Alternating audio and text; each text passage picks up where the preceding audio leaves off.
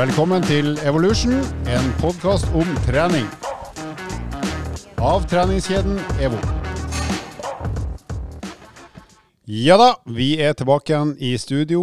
Og ikke bare er vi tilbake igjen i studio, men sola har også returnert til Østlandet. Det er en nydelig dag i mai, ikke så lenge før 17. mai når vi spiller inn episoden her. Og ikke bare har sola kommet tilbake, det har dessverre også forrige, forrige episodes gjest Henning Holm gjort. Velkommen, Henning. God dag, god dag. Takk for uh, invitasjonen. Og takk for ikke gode ord. Jo, takk for det. Takk for det. Henning Holm, fortsatt uh, daglig leder i Akademiet for personlig trening og uh, mangeårig personlig trener med et uhorvelig antall PT-timer bak seg. Ja, og en hobbymosjonist på høyt nivå. Ja, det var vel en presis uh, beskrivelse, det. Jeg har vel hatt over 20 000 PT-timer, tror jeg, så jeg har sett på veldig mye trening. Og for hver gang jeg møter deg, så har du hatt enda flere enn sist. Det er sant. Mm. Så hvor mange kunder har du nå fast? Hvor mange PT-timer har du nå i uka? Du, jeg har tre og en halv. Jeg har ei uh, hyggelig dame som jeg trener annenhver uke, og tre andre kunder som jeg trener én gang i uken. Altså. Er de også hyggelige, eller er de ikke hyggelige? Kundene, Ja. altså. Jo da, det er så koselig. At det. Og de kundene har jeg da trent mellom ja, 13 til 16 år en gang i uken. Så de har holdt ut med meg lenge. Ikke, ikke det at jeg skjønner hvorfor. Nei, men det er jo kanskje det at de bare møter en gang i uka som er trikset. Ja, kanskje det. Kanskje jeg skal begynne å møte kona en gang i uka. Tror du det hadde hjulpet? Ja, det tror jeg vel kanskje. Men hadde du, hadde du sjøl giddet å ha deg sjøl som PT? Altså hvis du hadde hatt samme type person som PT? Ja, Personlighet? fra spøk til alvor her, det, det tror jeg hadde. Eh, fordi at eh, PT-timene de er jo eh, en kontaktflate. Vi har det jo ekstremt hyggelig på de timene. Vi prater jo om alt mulig eh, som skjer i verden. og og så pusher jeg kundene så, på en måte som de antageligvis ikke hadde klart å gjøre selv. Da. Så du blir ganske pusha av å ha PT. Det er et eh, bra sted å være. Det er et slags eh, friminutt fra hverdagen. da. Jeg tror ikke jeg hadde orka å ha en kloning av meg sjøl som min PT, Nei, faktisk. Nei. Skal være ærlig. men når det er sant, da. Altså Kloning er fortsatt ikke helt uh, akseptert, så det kommer vel ikke til å skje med det Men det har skjedd, kanskje. Eller? Ja, Nå gikk jo fort off topic her, Du vet, du vet eh, han Olav Tufte, han er roeren, vet du. Han er veldig lik meg, du vet det. Oh, ja. Kanskje han er kloning? Eller kanskje jeg er klon av han? Nå forsto jeg sammenhengen. Bra, Henning. Takk for det. Men apropos eh, det å trene andre og se andre trene, så eh, har vi for ikke lenge siden sammen vært på Bislett stadion og observert en haug med barneskolebarn løpe rundt på Bislett stadion i Ja. Tinestafetten. Det var kult. Ja, det var veldig kult. Jeg, jeg ble overraska over hvor mange barn som var der, og en ekstrem glede av å være i aktivitet. Og i den eh, skjermverden vi lever i, så må jeg si at PT-hjertet mitt banka veldig varmt altså, når jeg så dette her. Det var utrolig god stemning, og de ungene løp jo veldig kjapt. Jeg, jeg tviler på at jeg hadde klart å holde følge med et par av de. Ja, men jeg, vet at jeg ikke hadde klart å holde følge med mange av de. Ja.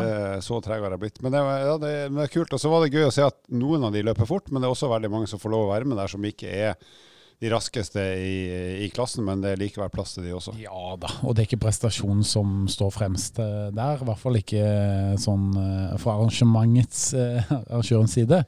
Det er jo det at alle skal få lov å delta. Så det var en fin ramme. Og jeg så jo din sønn eh, løpe av gårde òg, Han på, åpna hardt. på en 200 meter. Og jeg vil si at de første 150 det er noe av det beste jeg har sett. De siste 50, da begynte det å bli tøft. Han Han holdt, han holdt fint inn, eh, men det er litt morsomt å se, da, for dette er jo kroppen vår i praksis. Og det gjelder jo både for store og små. Når du gir ut i et enormt raskt tempo, så etter hvert så begynner O2-gjelda å, å gjøre seg gjeldende, og da, da blir det tøft. Jeg husker første gangen jeg observerte et ett av mine barn, skal ikke nevne navn, men eh, første gang de forsto konsekvensen av å få for mye melkesyre. For det er jo noe man ikke tenker på når man er liten. Men jeg husker en av de når de var fire år og sprang litt for fort. Så plutselig så, så jeg at det stoppa helt opp, og så så jeg et veldig overraska ansikt som ikke skjønte hva er det egentlig som skjer her nå. For jeg ville jo løpe fort, men det er ikke, det er ikke mulig. Så det var det første møtet med den andre terskelen pluss, pluss, pluss for eh, et av mine barn.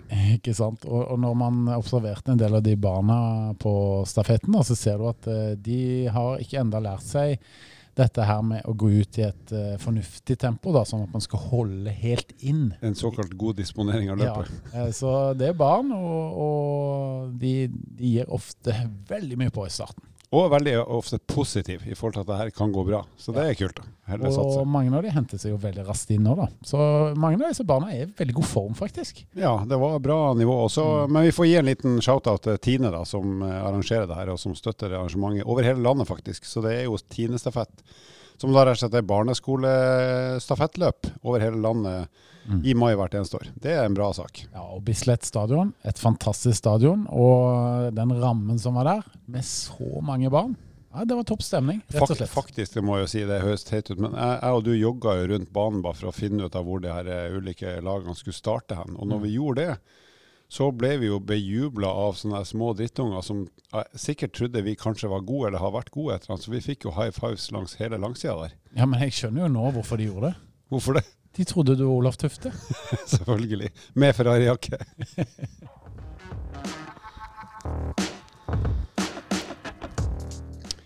Jepp. Vi skal i dag snakke om intet mindre enn sete, eller rumpe, som jeg ville ha sagt på min dialekt. Mm, stemmer. Hva tenker du om det, Henning? Har alle rumpe? Alle har rumpe, sånn i utgangspunktet. Men det som er litt morsomt, da, det er at uh, jeg får jo da kritikk for i min nærmeste krets for at jeg har ei flat rumpe. Så jeg lurer på at om, du faktisk har henta en feil ekspert til dette temaet. Ja, og det er jo heldigvis sånn at uh, man kan ha kunnskap selv om man ikke har det sjøl. Det er Ja. vel annet derfor jeg overlevde i treningsbransjen i et par år. Og snakka om styrketrening. Greit nok. Nei, men jeg har masse å by på på temaet, men ikke fysisk. Ja, du har i hvert fall noe å sitte på, Henning. Det skal Det- sies. Det skal sies. Det, vi skal rett og slett snakke om hvordan man kan trene rumpa. Og før vi går, og vi skal gå gjennom rett og slett en del øvelser og apparater som egner seg for den uh, type trening. Altså trening av sete. Men før vi gjør det, så tenkte jeg bare sånn generelt si at for å bli sterkere generelt sett, også i setemuskulaturen eller rumpe, så vil det være lurt å ha en belastning som gjør at du klarer ca. ti repetisjoner før du er så sliten at du ikke orker flere. Eventuelt at du klarer ti kanskje, og kunne klart én eller to eller tre til før du må ta pause. Så husk på det når, når vi snakker om de ulike øvelsene, så tenk at hvis du skal trene for å både øke muskelmassen litt og bli faktisk sterkere, så må du ta i såpass at du klarer rundt ti repetisjoner, og maks hadde klart én eller to eller tre i tillegg til de ti du har tatt. Og så får du en pause. Så det er liksom grunnleggende kall det treningslære for å utvikle både styrke og, og muskelmasse. Absolutt. Og så er det verdt å ta med seg at den muskelgruppa vi skal snakke om i dag, det er en av de største i kroppen. Eh, så den tåler litt eh, stimuli, for å si det sånn. Ja, det var eh, godt sagt, men også rart sagt, i og med at vi snakker om rumpe. Men jeg tenkte vi skulle Vi skal jo snakke om forskjellige øvelser. Jeg tenkte rett og slett at jeg skulle starte med den øvelsen jeg har benytta meg ganske mye av gjennom et liv, i et desperat forsøk på både å øke muskelmasse og styrke. Og det er den gamle, gode markløft med stang. Ja. Hva tenker du om den øvelsen, Henning? Er det en god øvelse? Ja, det er en god øvelse. Um, den er bra fordi at uh, man virkelig får aktivert muskulaturen i stor eh, grad. Og den er bra fordi at det er jo en type kinderegg-øvelse, som jeg vil si. Du, du får tak i veldig mange muskelgrupper på samme tid.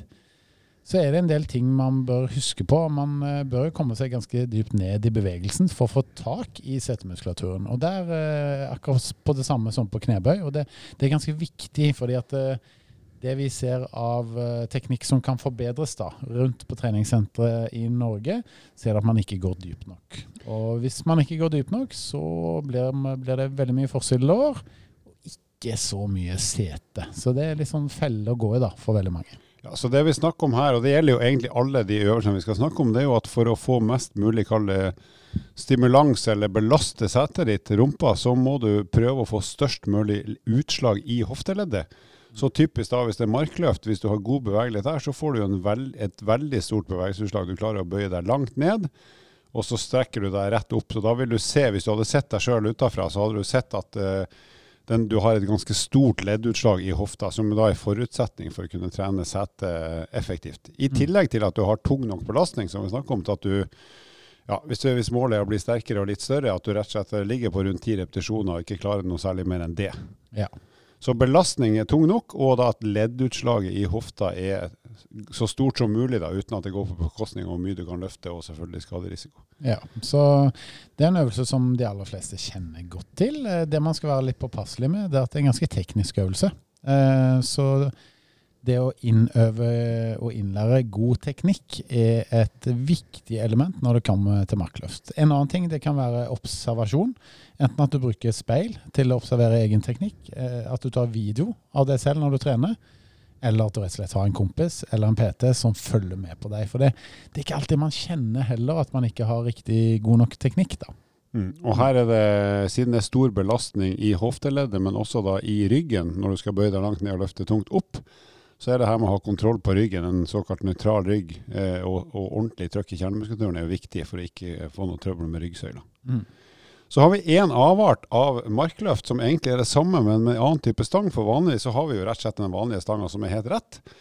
Men så kan det hende, hvis du ser at bevegeligheten din er ikke helt tipp topp, så du ender opp med å kanskje bruke, strekke knærne ganske mye mer enn hofta, så kan du bruke noe som heter hexbar eller trap bar, som mm. egentlig da er sånn sekskanta stang der du står inni stanga, altså det er som en slags åpning, så holder du i håndtak på sida, og så legger du på så mange kilo du bare vil. Og da vil du sannsynligvis kunne kontrollere ryggen og tilpasse leddutslaget litt lettere enn eh, en hvis du har ei vanlig stang. Så det er også et tips mm. til deg som har lyst til å begynne å løfte litt tungt, men som kjenner at jeg ikke er helt klar for, uh, for markløften teknisk eller bevegelsesmessig. Ja, og da holder du da hendene langs siden av kroppen. Når du holder stanga, så står du på en måte inni stanga. da. Mens en vanlig stang holder du da foran kroppen. Og. Det er det som er den store forskjellen. og da er det bl.a. lettere å holde ryggen eh, rett og fin. Ja, for den stanga du står inni, den trenger ikke å gå på en måte utafor knærne. For mm. knærne er på en måte plassert inni stanga, så den er litt mer skånsom. Ja. Men veldig god hvis du skal trene tungt. Det er et godt tips. Da skal vi gå over til et annet apparat som jeg liker veldig godt, av mange grunner. og Det er den såkalte beinpressen. Altså der du sitter og sparker eller skyver mot ei stor plate.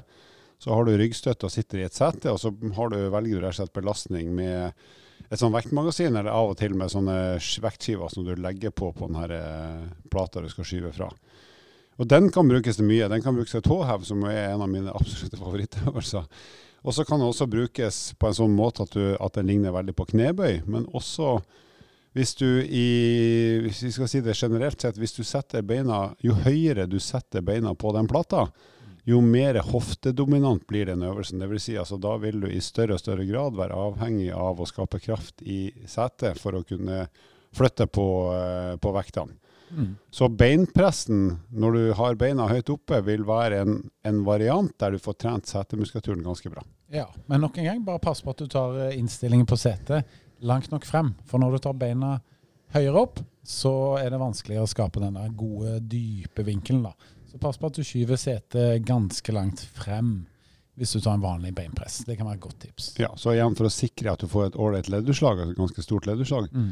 lengst mulig ned på, der, eh, på setet, så du ser at, og kjenner at nå strekker jeg ordentlig ut i hofta. Det er ikke bare et par centimeter, men ganske mye. Ja, det var bare praktisk tips for å forsterke det du sier om hofteleddet der. Og Fordelen med en beinpress det er jo at der sitter du jo trygt i en stol med ryggstøtte, sånn at skaderisikoen der er veldig veldig liten sammenlignet med det vi kan kalle friveksttrening. Så ja. der kan du rett og slett gønne på ganske mye uten å være bekymra for skader. Ja, vi snakket om gåing da, som trening, eh, og at mange kanskje ikke tenker på det som trening, men det faktisk er en veldig god treningsform. da forrige gang her på poden. Og jeg vil si at uh, beinpress er litt sånn samme kategori, på en måte. Fordi at uh, det er en øvelse som helt sikkert mange undervurderer, men som faktisk kan gi deg ganske godt utbytte, altså.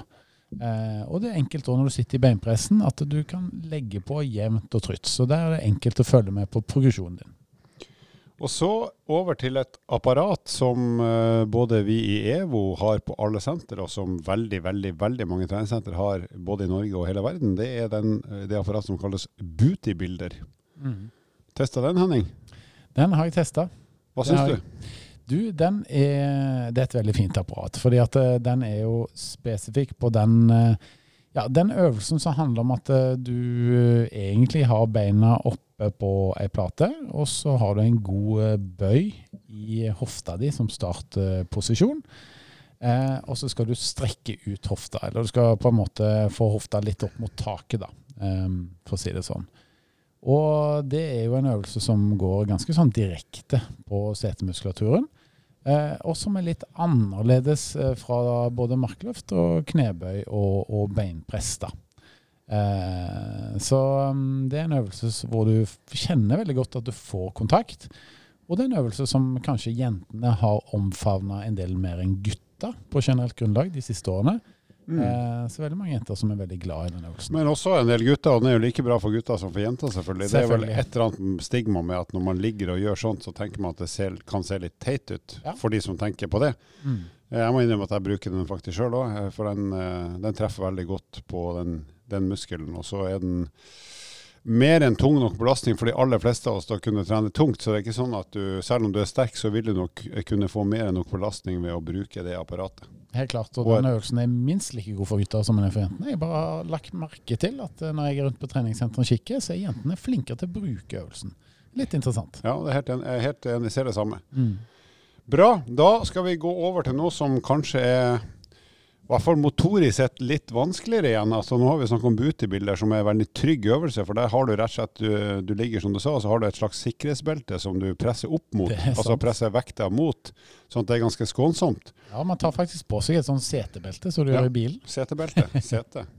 eller på fly. Tok du den? Ja. Sete, altså. Sete. Sete. Oi, oi, oi. Nå tok du den. Har du lavt blodsukker, Holm? Nei da, jeg, skulle bare, jeg var så oppsatt på det jeg skulle si. Si det. Uh, og det var at det, det setebeltet det, det er mer det du tar på deg i fly. For det går bare over uh, mage-hofte. Uh, mens i en bil så har du det setet som eh, har, Den delen av beltet som går over skuldra.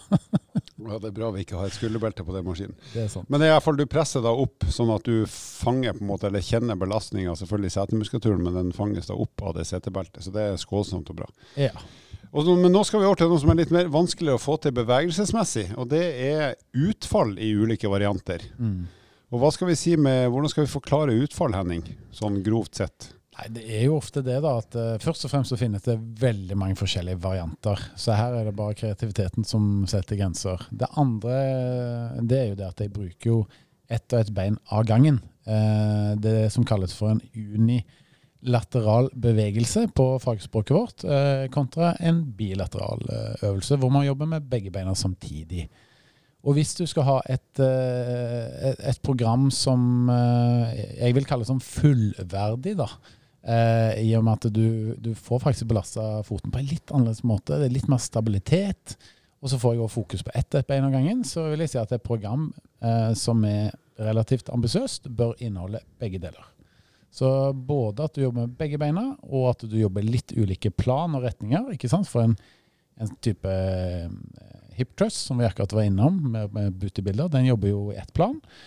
Um, og så at vi òg jobber med ett bein og med to bein i, i det planet, som man gjør en knebøy, markløftutfall. da. Og, og utfall, enkelt sagt, det er jo sånn at du står rett og slett med beina fra hverandre. Ja. Altså ikke sideveis, men én fot foran, én fot bak. Riktig. Og så bøyer du deg ned Mm. og reiser deg opp igjen. Ja. Og da gjerne med vekt, f.eks. For, for å gjøre det tyngre, da type f.eks. enten hantler i nevene, og da har du Mm. hantler i begge hender. Eller det kan være med stang, og er du veldig sterk, så har du mange kilo på den stanga, som da typisk ligger på, på ryggen, som i en knebøy. Ja, det vi kan si fot. veldig enkelt eh, for å få folk til å henge med på utfall, det er at eh, en enkelt variant er at du enten ikke har vekter på, eller at du har eh, vektskiver eller hantler i hånda, eller at du har ei stang på ryggen, og så går du eh, gående utfall da, bortover. Så du går rett frem, setter ene foten gjerne ja, si eh, 30-40 cm foran deg, og så bøyer du bakerste kne ned mot bakken til det nesten er nede i bakken. Og så går du opp, frem, opp, og så tar du motsatt bein. Så du tar annethvert bein i en gående utfall.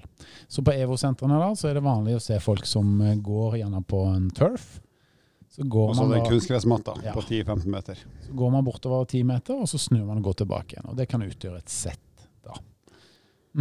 Og eh, det man vil se da, hvis man kan se seg sjøl det andre, det er jo at eh, du får et ganske stort leddutslag både i kneleddet og i hofteleddet. Så det er jo da en, en øvelse som både trener setet, men selvfølgelig da også de musklene som strekker ut kneleddet, som er forside lår. Ja, og det vi ofte ser er feil i øvelsen, eh, og det sier vi jo ikke for å henge ut noe, men for at du ikke skal gjenta disse feilene, du kjære lytter, det er at man ikke går dypt nok ned. Så man legger gjerne på litt for mye belastning, og så går man sånn ja, gjerne etter 75 graders vinkel i kne, og ikke mer, og så går man videre. Eh, og så føles det bra, fordi at du kjenner det godt på forside lår.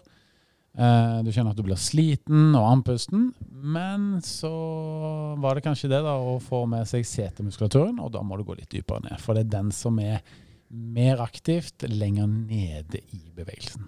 Og så er det noen som har sett som har foten opp for eksempel, hvis du står stille og ikke går, men altså, står rett og slett stille med beina fra hverandre og tar, eh, beveger deg opp og ned, mm. og så har de den ene foten, den bakerste foten står oppå en benk, mens den mm. andre står på bakken. Mm. Hva er, er det noe poeng å gjøre det, eller er det egentlig ett fett? Ja, det er litt tøffere for eh, stabiliseringen. Um, og så er det litt lettere å komme ganske dypt. Um, så det kalles jo da for en bulgarsk utfall. Uh, og uh, hvis du ikke har så god stabilitet, så vil du kjenne at det, det vil være ganske vanskelig i øvelsen. Uh, etter hvert så blir det lettere og lettere. Um, det som er vanlig feil i øvelsen, um, det er at man skyver for mye fra med bakre fot som står på benken. Så du jukser egentlig med den bakerste foten for at du ikke er sterk nok med den fremre, egentlig? Yes, og det, det, måten du kan eh, se det på, det er nok at du beveger deg eh, litt mye frem og tilbake, eh, og ikke bare opp og ned. Så hvis du ser det på en kompis eller venninne, eller kjenner det selv, så kan det være et hint om at du bruker det bakre benet litt for mye.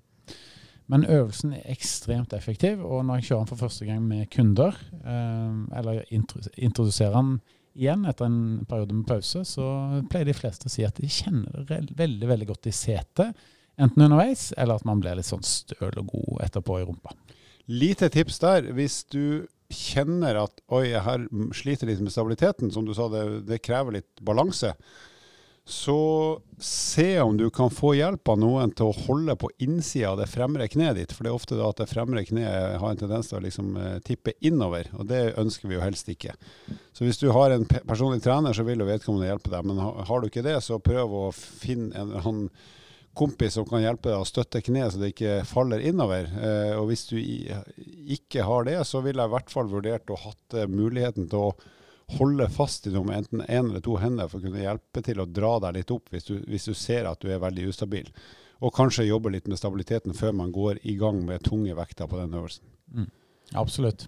Og så finnes det veldig mange forskjellige utfallsvarianter, folkens. Så hvis du er mer interessert i utfall, så vil jeg gjerne oppsøke en personlig trener. For en har fått en time eller at du leser deg litt opp på nettet. For det finnes ganske mange kule utfallsvarianter å ta tak i. Har alle utfallsvarianter eget navn fra land? Altså Du sa bulgarske utfall. Finnes det tyrkiske, svenske, spanske utfall? Eller er det kun Bulgaria som har fått en variant oppkalt? Ja, vi har noe som heter Turkish Get Up, som er en variant faktisk, hvor du tar med en kettlebell så du ligger flatt eh, på bakken, hvor du skal bevege deg opp til stående og holde kettlebellen over hodet. Nice. Men det er ikke en ren utfallsvariant, så i utgangspunktet er vel svaret Nei. Det er litt synd, egentlig.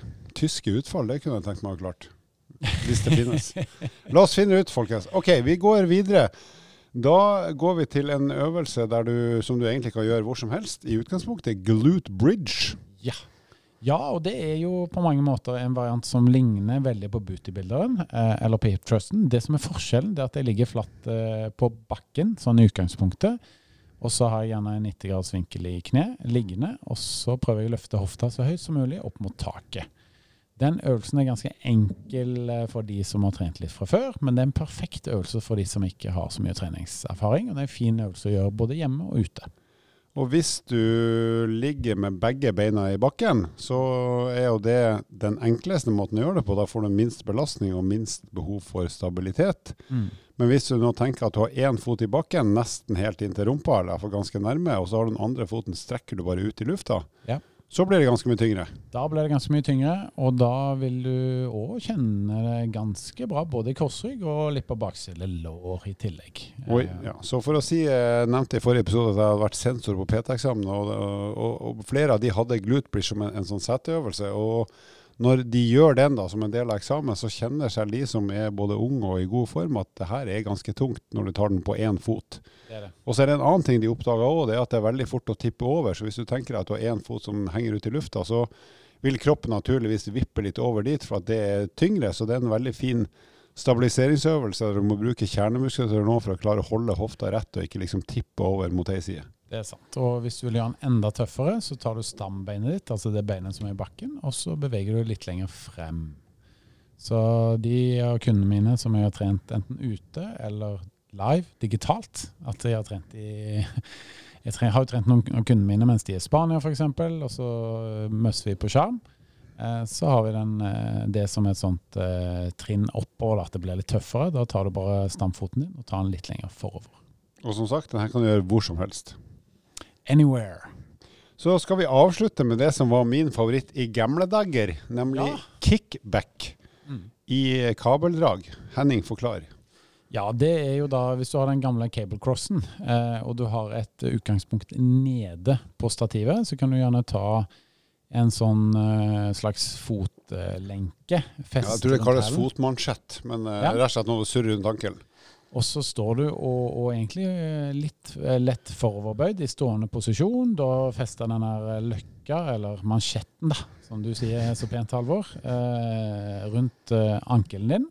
Eh, står med samla bein, løfter det ene beinet litt, og så har du lagt på litt vekter nå, og så skyver du beinet godt tilbake. Se for deg at en hest sparker omtrent, altså bare med ett og ett bein. Du, eh, du skyver hælen din eh, godt tilbake, og da vil du kjenne at du jobber ganske bra i, i setet. Og dette fantes det en, et apparat på som var ganske sånn vel etablert tidligere, som heter ingenting ringere enn glut. Og det hadde vi på Sats før i tiden. Når jeg jobba fulltid som PT her i Sats i mange år, så hadde vi det apparatet her på Sats Storo, eller eh, Sats Nydalen, som det nå heter. Og det apparatet brukte jeg ganske mye. Ja, det var et vektmagasinapparat der du rett og slett la den der eh, pølsa som du skal sparke fra, rett under kneet, vel. Og så strakk du bare hofta ut. Ja, når du strakk ut, så ruller den litt oppover hamstringen din, altså Ja. bakside lår. Eh, som en konsekvens at, eh, av bevegelsen, da. Mm. Mm. Men så den kickbacken her, da, da fester du altså den mansjetten, eller fester vekt, eh, eller kabelen til ankelen. Mm. Så med en gang du begynner å dra foten bakover, så er du nødt til å bruke setet for å Ja. kunne få til det. Ja.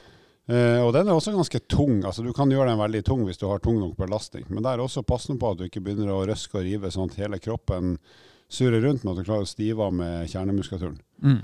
Og jeg, jeg må jo en morsom historie her, eh, Halvor. Eh, og det er at til tross for min flate rumpe, så, så dette maskinapparatet Glut, det var jo da en av mine favoritter fra 2005 til 2010.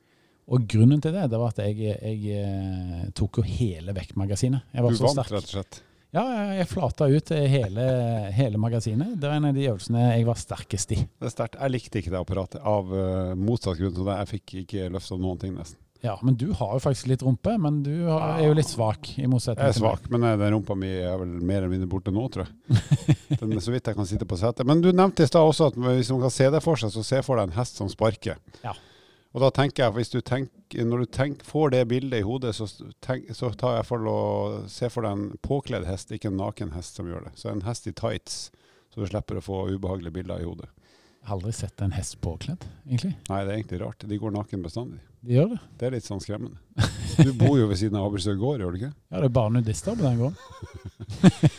Da håper vi dere har fått uh, inspirasjon til eh, både å trene rumpe, for det er, det er bra ikke av mange grunner. Nummer én, vi trenger uh, setestyrke for å kunne reise oss opp, for å løpe, for å hoppe, for å løfte og bære. Og så er det mange som også gjør det av kosmetiske årsaker, som er helt greit for oss. Det er mange gode grunner til å trene setemuskulaturen. Så eh, den Ja. gjennomgangen her håper vi er til praktisk nytte for deg som eh, hører på. Absolutt. Og, og øh, det høres kanskje kosmetisk ut, som du er inne på, men det å ha en sterk eh, setemuskulatur, det er bra på mange måter. Fordi at det hjelper deg øh, i hverdagsaktivitet. Det er en av de viktigste musklene vi har. Både for øh, å gå, løpe og klatre og gjøre alle de aktivitetene som, som kreves av oss både i barnelivet og i voksenlivet, sånn sett. Så det er en viktig, viktig muskel å være sterk i. Og så var det vel min eh, favorittøvelse, da, når det kommer til eh, glutes, eh, eller setemuskulaturen. Og jeg må jo faktisk si det at eh, det, er, mm, det er rett og slett dype knebøy. Ja. Eh, så det å gå ganske dypt ned på en knebøy og opp igjen, det er en av de øvelsene som jeg setter mest pris på når det kommer til eh, trening av setemuskler. Der er du vel relativt sterk, du ikke det? Relativt. Jeg skal ikke skryte på meg. er Vesentlig sterkere enn meg, iallfall. Ja, og det er, vet du hva, det er nok. Da er. Da er jeg misfornøyd, og du er fornøyd. Og sånn skal det være. Ja. Bra, folkens. Ja. Da håper vi at vår seteprat Ja, har eh, vært til glede og inspirasjon. du vet når enden er god, så er allting godt. Det er ikke lov å si, Henning. Er det ikke det? Jeg er nødt til å stoppe oss der. Takk for oss. Takk for i dag. Vil du vite mer om trening? Abonner på podkasten og sjekk ut vårt treningsmagasin på evo.no.